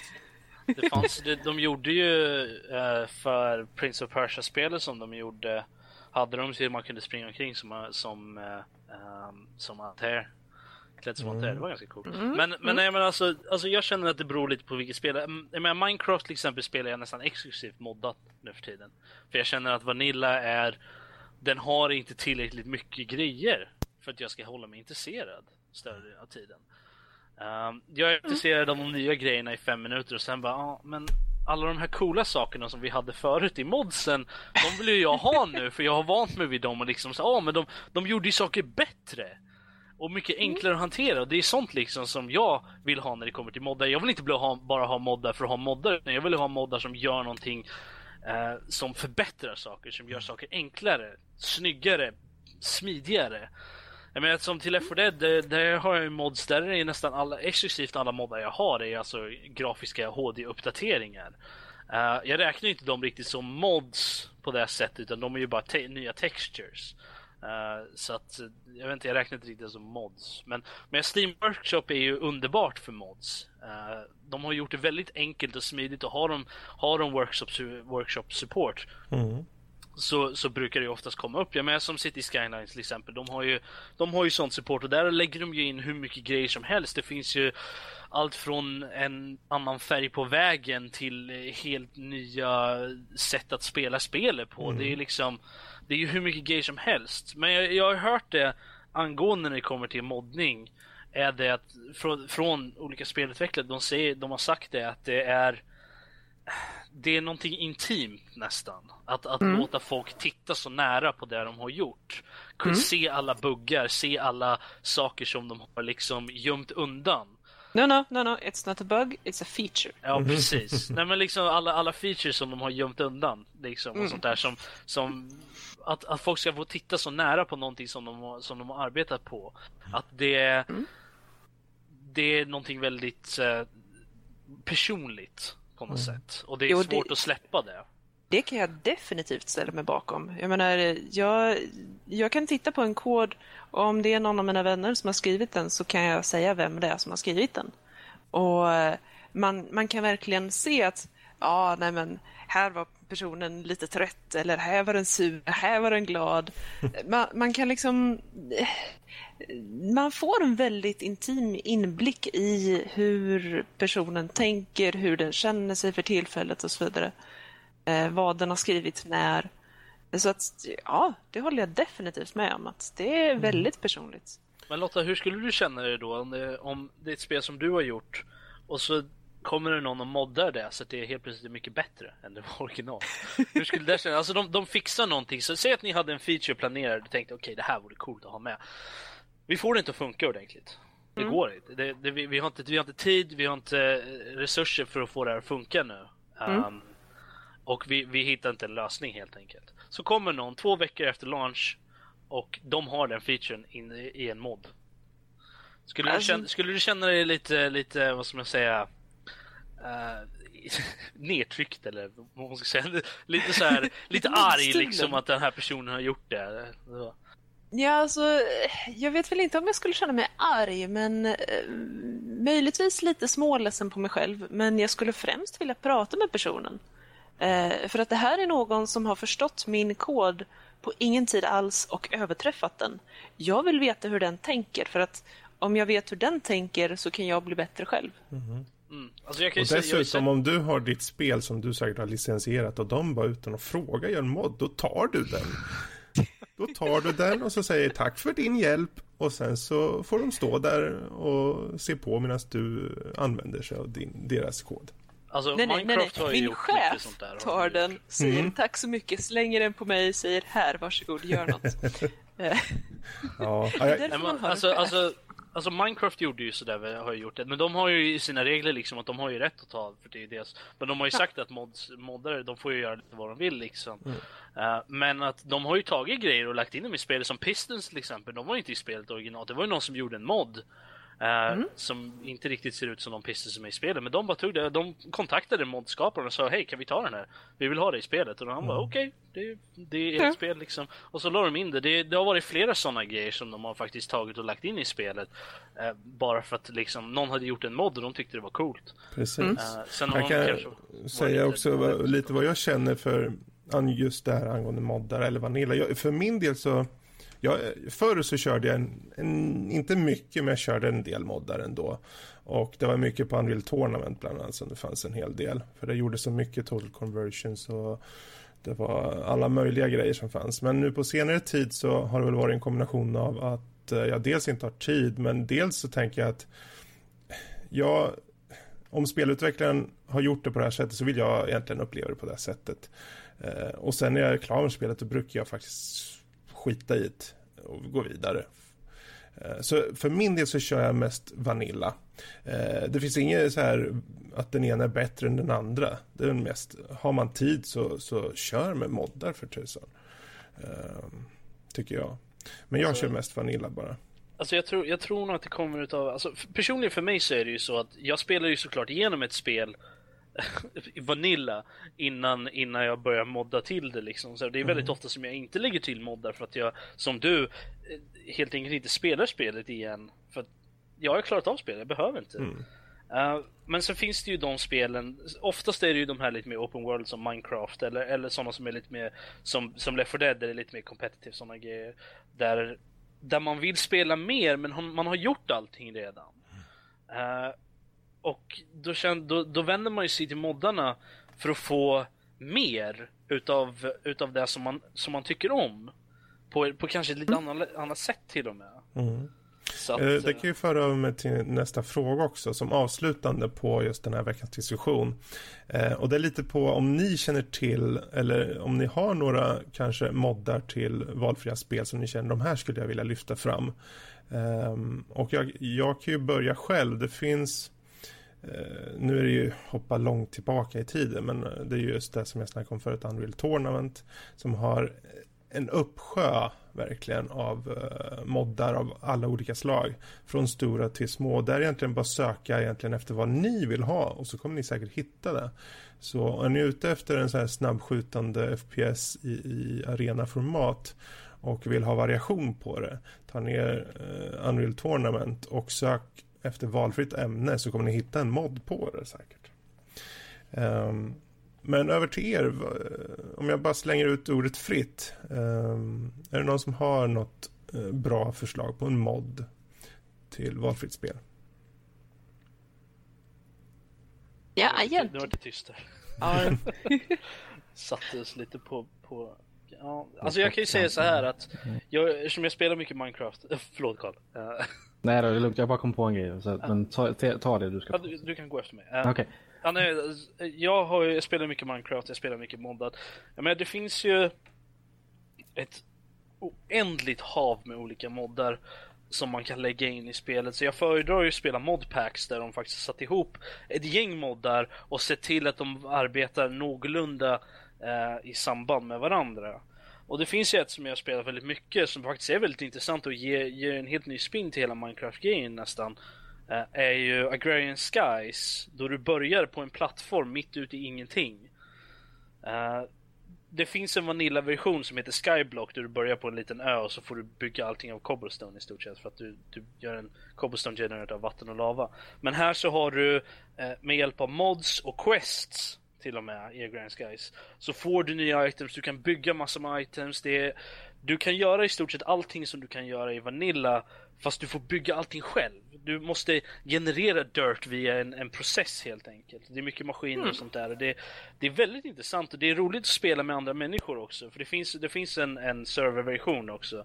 Eh, eller så kan man bara köra lokalt då. då eh, det är komplicerat och ibland så måste man gå ut i, i wikis och lite sånt där för att leta reda på lösningar och sånt där. Men, men ofta så finns allting i en handy liten questbook. Mm. Där du får liksom, så att eh, det, det, det är vad väldigt hette, bra. Vad hette den sa du? Agrarian Skies. Det kom mm. en tvåa här nu tror jag till och med. Okay. Som var för nästa version. Agrarian Skies, eh, mod till Minecraft. Eh, Lotta, har du något förslag då? Nej, kan jag inte påstå. Alltså, jag har väl spelat en hel del DLC och, och sådär, men som sagt moddar har jag varit för lat för att sätta mig in i, mm. ärligt talat. Bra, och då hoppar vi till Karl som nu kommer jag på, du var egentligen i ordningen efter, men uh, go for it. Ja, eh, en aspekt av moddar som inte jag kom på förrän nu ta upp är ju att ibland så är det så att utvecklarna själva är lite lata och sen kommer communityn i efterhand och fixar problem mm. med spelet. Och det här gäller med eh, Dark Souls Prepare to Die Edition. Eh, okay. alltså Dark Souls var ju från början konsolspel. Men efter stor begäran så, så bestämde, bestämde sig From Software för att porta spelet. Mm.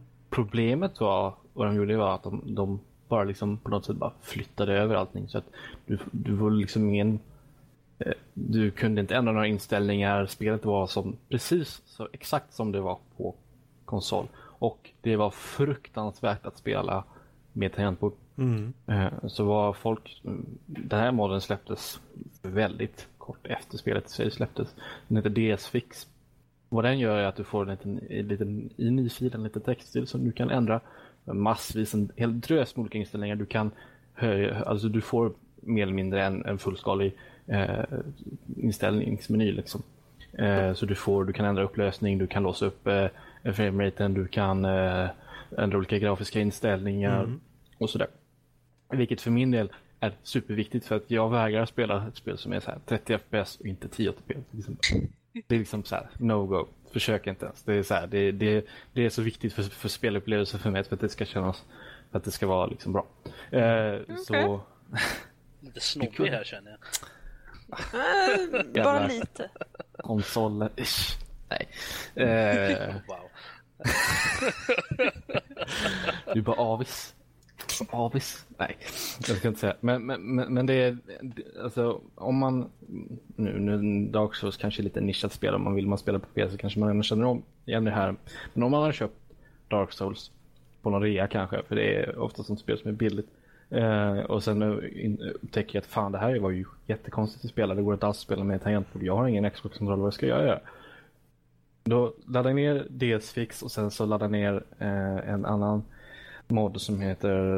Mm, fan, jag kommer inte ihåg vad det heter i huvudet. Men det har med, med det här så att det, det fixar tangentbord och muskontrollerna då, så att du går att styra ordentligt med, med dem helt enkelt. Det här borde jag ha vetat då för ett halvår sedan när vi hade det som veckans spel. För det, mm. det fanns mycket som jag ville ändra på ja. eh, i det faktiskt.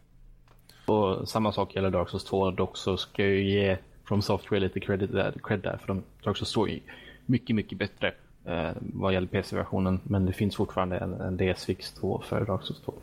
Mm. Eh, så det är en mod jag vill höja. Och sen Jättebra. så har vi alla mm. de här andra modderna som jag diskuterat innan. Mm. det är fantastiskt att, eh, jag menar om man kollar på Arma, jag menar det är i grund och botten väldigt nischat spel. Tänk hur, hur mycket de, hur mycket Bohemian Interactive har att tacka hela communityn. De har få, fått in så mycket spelare för det är ju otroligt många som spelar Arma bara för de här moddarna skull. Mm. Så att, uh, ja. Jättebra. Jättebra. Och sen kan jag ju bara nämna det lite snabbt mm. att uh, med, med, just med lathet och moddar att jag uh, precis när jag skaffade min speldator så tyckte jag ah, men då ska jag spela Skyrim jag ska modda skit i nu den. För att jag hade spelat på Xbox innan och jag hade liksom helt och hållet tröttnat på det. Alltså, jag, gick, jag tyckte inte om att spela med kontroll. Det var helt bedrövligt tyckte jag och grafiken var också helt bedrövlig. Så jag tänkte jävlar nu har jag en sprillans ny speldator. Jag installerade typ 150 moddar och jag moddade ner det så att grafiken var mm, vad fantastisk den var men det gick fan inte att spela skiten för det var för bra. Oh. så här 20-30 FPS där någonstans landade det. Så, och sen så mm. installerade jag om min dator och då försvann ju all, alla moddar. Ja. Och, det var liksom så några timmar som försvann så för att bara liksom alla moddar till att börja med.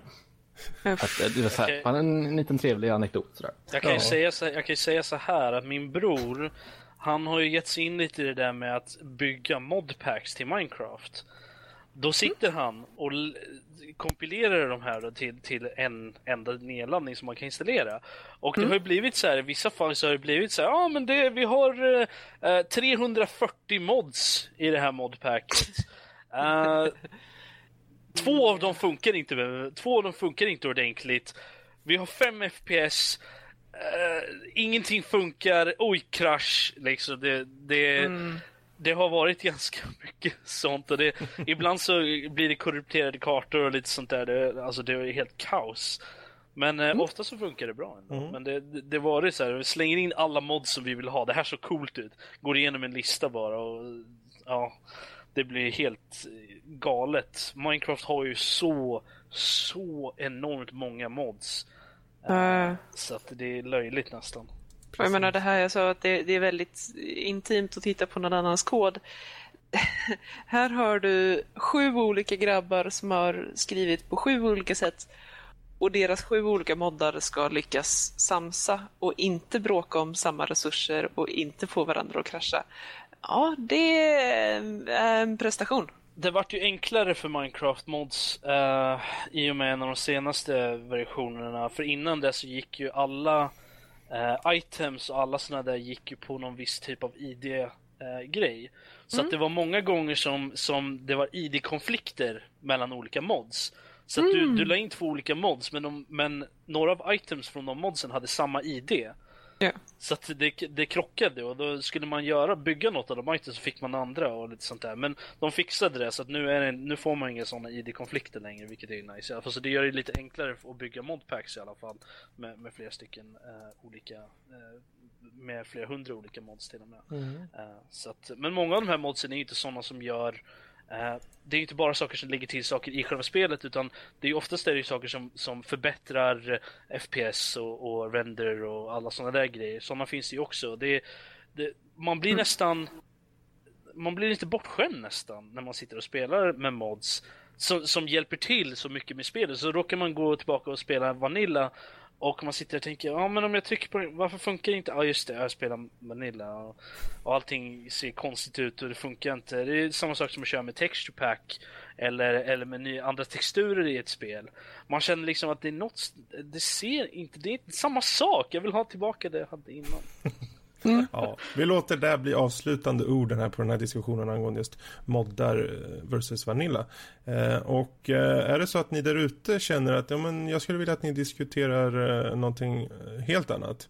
Maila in till oss på info.nordlivpodcast.se och framförallt om ni har några synpunkter själva angående just moddar eller Vanilla Maila in till oss.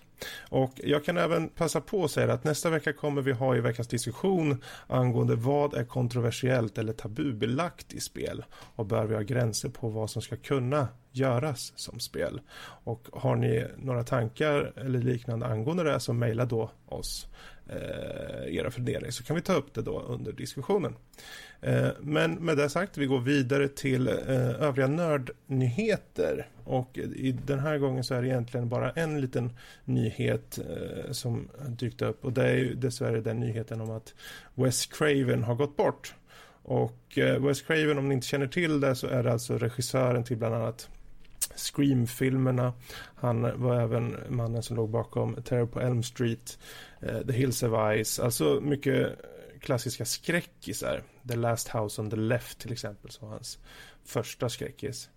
Eh, jag tyckte det kan vara värt att bara belysa lite angående det för, eh, för oss som gillar lite skräckisar så, så stod Wes Craven som, eh, som en tydlig regissör på, på skräckfilmshimmeln.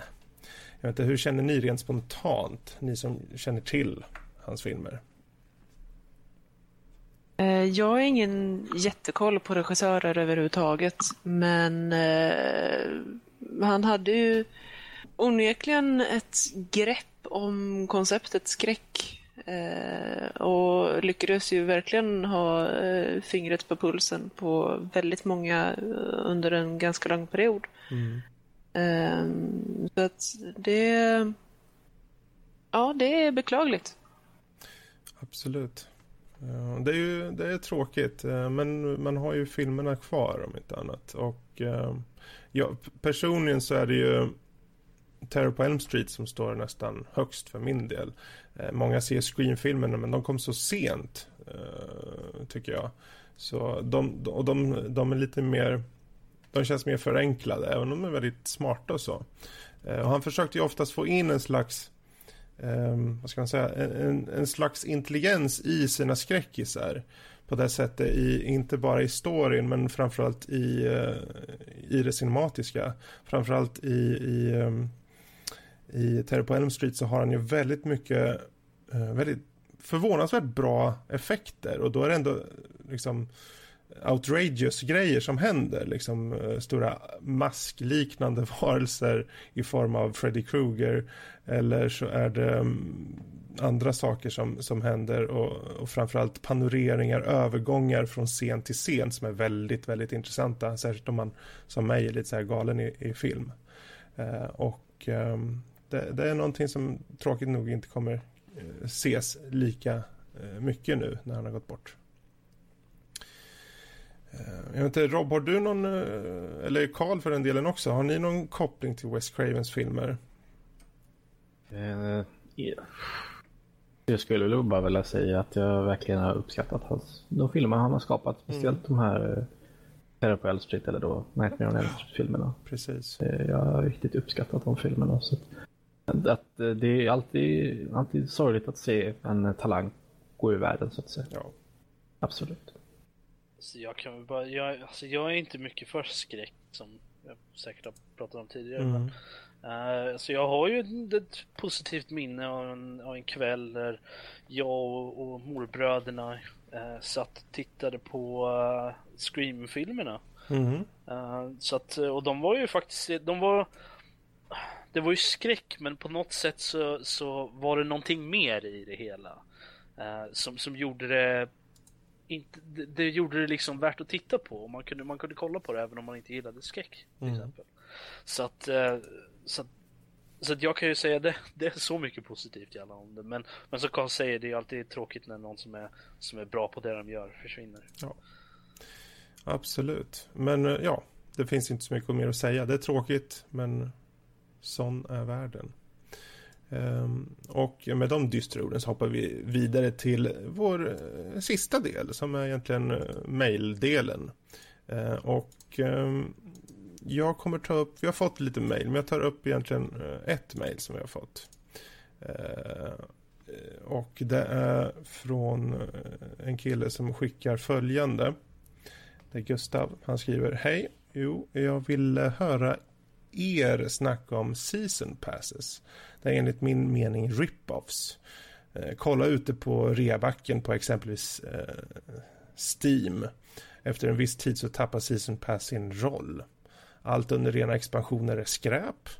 Hoppas folk slutar köpa skiten så vi får riktigt content istället. Och i och med att DLCs är skräp så påvisar det bara girigheten hos förläggarna. Eh, Nåja, jag, jag lyssnar på ert snack om DLCs i förra avsnitt och ville avreagera mig bara. Eh, ja, ja, oj. Någon var upprörd. Mm, han var lite. Eh, lite upprörd. Jag vet inte. Ja, vi kan väl prata lite om season passes nu. Bara lite snabbt så. För, jag, för min del så jag brukar inte köpa season passes så ofta. Eh, och Eh, det, det, är mest för att de spelen jag köper kanske inte oftast har kommande expansioner och liknande. Eh, men framförallt för att jag personligen Ungefär som med moddarna förut. Jag kör gärna originalspelet enbart. Jag är, jag är oftast jävligt glad bara klara av ett spel och kunna gå vidare. Så. Mm. Alltså, jag kan väl säga det att jag är inte så jätteförtjust i Season Passes på grund av att dels så är det väl det att liksom man vet att det kommer mer men samtidigt det, Alltså det, det drar ju in lite i det där med DLC lite sånt där. Alltså är det bra, är det dåligt liksom. Det är alltid trevligt att veta att det kommer mera saker men samtidigt De behöver väl inte vara så uppenbara med det kanske Nej. alltid. Men, eh, men sen är man ju alltid glad om det är någonting som inte nödvändigtvis är Vad ska man säga? Alltså det, det är väl inte nödvändigtvis en, en så jätte jätteviktigt för resten av storyn men att det fortfarande är trevligt att ha. Ändå. Det kanske ger lite mer djup men det är inte, det är inte eh, viktigt för att förstå resten av spelet. Liksom. Nej, Sånt oftast tycker jag det, det, tillför ju bara mer speltid i regel tycker jag. Jo, men det är ändå, men om man tittar på, på Bioshock Infinite till exempel. Mm. Uh, där hade de ju två DLC. Uh, som var, ja, de var ju, det var ju en DLC, uh, fast det var ju två delar av den. Precis. Uh, den här Under the Sea, eller vad den nu hette. Under det, the Sea? Nej. Ja, jag tänkte, det är väl sången från, från jag kommer inte ihåg vad den heter. Mm. Jag kommer inte ihåg vad den hette nu, men det, det, var någonting med Under the Sea eller något sånt mm, där. Mm. Du, det är filmen som fick mig att vilja ha rött hår när jag var liten, så you better keep track on it. Ja, okej, okay, förlåt. Men, mm. eh, eh, nej, men där, den bridgade ju lite mellan mellan Bioshock Infinite och, och Bioshock 1. Men den har ju egentligen inte direkt någon koppling till något av spelen på Nej, det sättet. Precis. Så, att, så på den saken så gav den ju mer eh, Den gav ju mer lore till och mer Mer trevlighet. ska jag säga. Jag var inte så trevlig kanske men um, Uh, men den, den, gav mer, gjorde det. Utan att faktiskt ha någon impact på vad, på vad något av spelen ens. Mm. Egentligen. Så att, uh, så att där har man ju ett exempel på bra DLC. Och då, jag kan ju tänka mig, där skulle jag gärna ha köpt Season Passet, vilket jag tror faktiskt att jag gjorde. Uh, nu när jag tänker på det. Mm. Ja, Bur Burial at Sea är ju ett bra exempel. Eh, även om jag personligen tycker att de är överskattade. Och det känns också på ett sätt som att utvecklare har fattat vad de gjorde fel och då vill rätta till lite. Och det blir lite uppenbart i dem. Men överlag just på Season Pass så eh, det här är ju faktiskt en av de som jag har köpt. Eh, dock inte som Season Pass utan jag köpte dem separat tror jag. jag tror, jag tror nog att det största problemet med Season Pass är det att har de planerat att ha tre DLC så är det de som är inkluderade i Season Passet. Mm. Men säg att utvecklarna sen kommer för sig att hmm, vi kanske ska ge, göra lite mer DLC till det, som Borderlands till exempel. Mm. Där de gjorde 5011 DLC eh, till tvåan. Uh, och uh, där, de ingår ju inte i DLC i, i Season Passet då. Och det är där som problemet ligger, i att de, de går utöver det Precis. som Season Passet lovar. Mm. Ja, jag undrar om inte det är lite där som Gustav reagerat mest jo, på. Jo, det jag tror det, det, det, var det jag fick ut av det i alla fall. Ja. Men för jag menar, Season Passes är ju bra på det sättet att det är ju reducerat. Det, du, du köper ju de, de delserna som kommer för ett lägre pris oftast. Mm. Det, det, är ju billigare att köpa Season Passet än att köpa de två, två eller tre DLCerna mm. för sig. På det sättet är det ju bra att ha. För det, det är en klumpsumma för saker liksom och du, det är en liten överraskning ändå, på något sätt. Så att, Karl, eh, brukar du köpa Season Pass? Definitivt inte. Alltså... Eh, dels så har man ju problemet med att du betalar eh, för någonting som kanske är i, antingen i proceduren har skapats eller inte ens alltså bara finns på ritbordet än så länge. Mm. Så du vet ju inte vad du kommer att få direkt sådär. Och, och sen så är det lite så här som vår, eh, dels som vår eh, som eh, tittaren skrev att eh, när, efter något år eh, när man ser att eh, när spelet är på rea så har man oftast någon sån här Game of the Year edition eller sånt där och så mm. allt det här är inpackat redan och så får man det ännu billigare. Liksom. Ehm, eh, och sen vad var min andra punkt? Just det att ska man då köpa ett spel och Season Pass så blir det ju en ganska rejäl slant. Liksom. Du kanske lägger ut en 40-50 eh, euro för ett spel och sen ska de ha ytterligare 20 euro för, för Season Pass också. Mm. Så att, eh, jag uppskattar det. Jag köper nästan aldrig Season Pass nu för tiden. När jag köper spel som skulle ha det så är det oftast i efterhand. Och då finns ju all, oftast med all, alla DLCs packade som jag sa innan. Jättebra. Eh, så, nej. Alla, alla spel har ju inte season passes heller, nej. även om fast de har DLC. Men, kära morbror Danny dyker upp här i, i, min chatt i alla fall och säger till mig här, men som Dragon Age Inquisition till exempel, de har ju inte season pass. Uh, till deras DLC. Men de har ju inte, men de har ju lite udda grejer också eftersom de inte har, vissa DLC kommer ju inte till 360 och PS3 vilket är en helt annan can of worms egentligen mm. att ta upp eh, när det kommer till sådana saker att inte Precis. släppa DLC till alla grejer men, men i alla fall men det, det finns ju såklart bra saker med Season Pass, tycker jag i alla fall. I och med att man får det billigare. Ja, det kommer ett Game of the Year senare möjligtvis, men om jag köper spelet på launch day eller till och med har pre-order, vilket också är en annan can of worms, eh, mm. så, så har jag redan betalat för spelet. Och om jag då vill ha DLC, det är ju det, jag behöver ju inte köpa Season Pass på launch day. Eller så. Jag kan ju köpa det en månad, två månader längst ner på vägen liksom då jag faktiskt har råd att köpa det. Eller om jag inte vill slänga alla pengar på samma gång. Jag kanske inte ens tyckte om spelet. Så på, det, på så sätt så, är, så är det, kan det vara bra om man kanske väntar ett tag med att köpa. Oftast så kan man ju köpa Season Pass redan efter en av DLCerna har eh, Annonsats. Ja, eller redan släppts till och med. Mm. Så att eh, Season Pass är ju bara det att du får saker billigare helt enkelt. Precis. Men, På det sättet så är det bra. Ja. Men...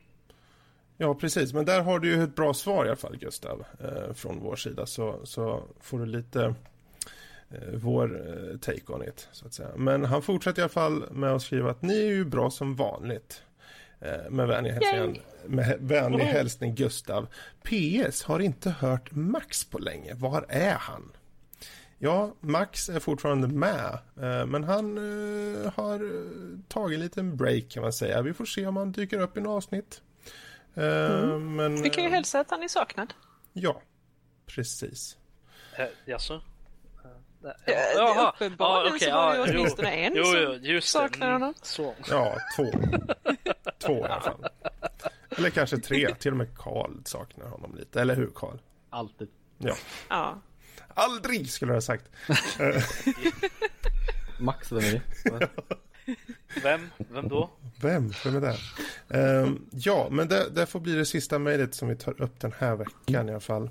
Um, och um, är det så att ni vill uh, veta mer om oss uh, eller bara hitta alla länkar som ni behöver för iTunes, YouTube, Steam och så vidare. Så hoppa in på vår hemsida nordlivpodcast.se eh, och vad gäller just YouTube och iTube, iTube, iTunes, Wow. eh, lyssna gärna och gilla och prenumerera framför allt. Och ge gärna betyg om ni har tid, särskilt på iTunes. Eh, och eh, är det så att ni faktiskt vill prata mer med oss så hoppa in på Teamspeak efter vår livesändning. Eh, det finns på vår eh, Teamspeak-kanal som ni hittar info om på nordlivpodcast.se. Eh, och ja, det är inte mer än så. Vi kommer tillbaka nästa vecka. Och då kommer vi bubbla bland annat om Robs faktiskt större näsa än sin... Eh, nej, nu ska vi inte gå in på detaljer. Det tar vi då som en överraskning. Ja.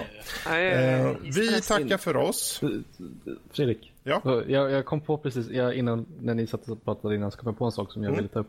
En, en så här lite övrigt nö, nödig Ja, ämne. Shoot, shoot. Eh, det är det att jag har i någon må några månader nu hållit på att lyssna på eh, Song of Ice and Fire ljudböckerna, alltså då, Game of Thrones som Ja, ni känner okej. av. Och det var det att eh, när säsong 5 nu slutade, eh, ingen, inga spoilers, ni behöver inte oroa er, så ingen fara. Och när den slutade jag bara jag bara tittade på den och bara nej, ni kan inte göra så här. Men jag, jag måste veta vad som händer. Så då, och då tänkte jag att då ska jag då börja läsa böckerna. Jag är i mitten av andra boken just nu. Alltså, eller då andra säsongen.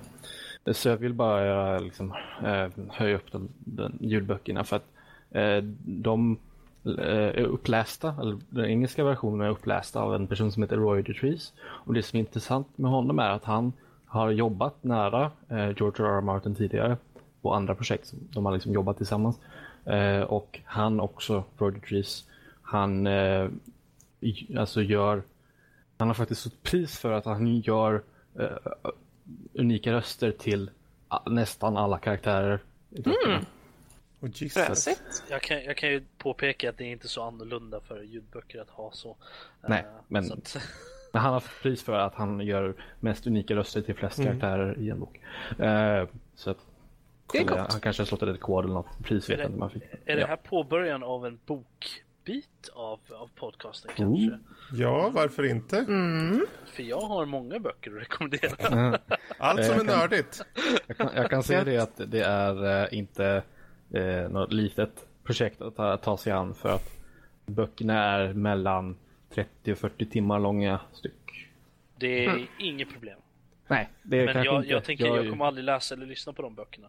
Så Det är det att, att jag, jag tycker att, eh, att ska man lyssna på eller läsa en sån lång bokserie så jag, jag, tycker, jag uppskattar inte riktigt att behöva sätta mig ner och läsa. Då, då lyssnar jag hellre på dem när jag gör något annat också. Mm. Så ska jag göra något tråkigt som att typ laga mat, diska eller sådär. Så lyssna gärna på dem samtidigt. Hur många böcker är det? Eh, fem just nu.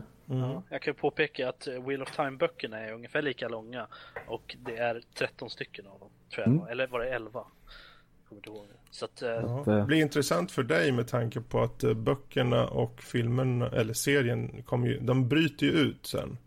Mm. Eh, De följer ju Precis. inte ordagrant. Stämmer helt. Det är intressant. Och det är också en intressant situation här nu för att eh, nu har det ju, nu är det omvänt. Oftast är det att man läser böckerna först och sen tittar på filmen. Mm. Eller serien. Men nu är det tvärtom. Jag tittat på serien först. Och sen lyssnat på böckerna. Men det är det- jättebra ändå faktiskt. Ja, absolut. Alltså, inga, inga, inga, jag har absolut Jättekul. inget emot eh, Game of Thrones-serien. Den är ju skitbra. Mm. Men det är samtidigt så här, det, det har definitivt påverkat min upplevelse av böckerna. Mm. att jag har ju redan bilden framför mig hur alla ser ut. Och så här, hur de Precis. pratar, hur de för sig och allt sånt där. Hade det varit, hade det varit tvärtom så hade jag inte gillat serien lika mycket. Då hade jag fått en egen bild på hur, hur, hur Mm. alla ser ut, hur de beter sig. Och de har ju definitivt ändrat lite på många eh, karaktärsdrag. På sådär, då tänker jag speciellt Tyrion, han är ganska, det är ganska stor skillnad på honom i serien än vad det är i boken. Till exempel. Jo, men alltså i serien är han ju Hollywood-ful. Ja, eh, ja och sen så är han i, i, serien, i serien så är han supercool. Alla Ja. älskar honom. Medan i böckerna så han beskrivs som att han är alldeles missbildad i ansiktet. Och han, när han går så, så han är det ordet man använder, waddle. Vad fan ska man översätta det som? Eh, ja, Vaggar. Han, han Vaggar fram på, på något Ja. sätt och, och sådär. Ja. Så att de har definitivt ändrat mycket saker. Kan ju mellan och påpeka att det är inte så unikt för det heller. Det är väldigt ofta sånt händer. Ja. Det, vi vi kan ju- ha en hel diskussion om Ja. det här någon gång. Det låter som en bra Det här var en jättebra Ja. avslutning faktiskt. Eh, och Ja. ett bra tips. Det är alltså A Song of Ice and Fire, eh, Ja. ljudboken. Precis. Precis. Men eh, med det sagt så säger vi hej då, helt enkelt. Glöm inte att hitta oss på alla. Bye bye, everybody. Då. Ha det bra alla.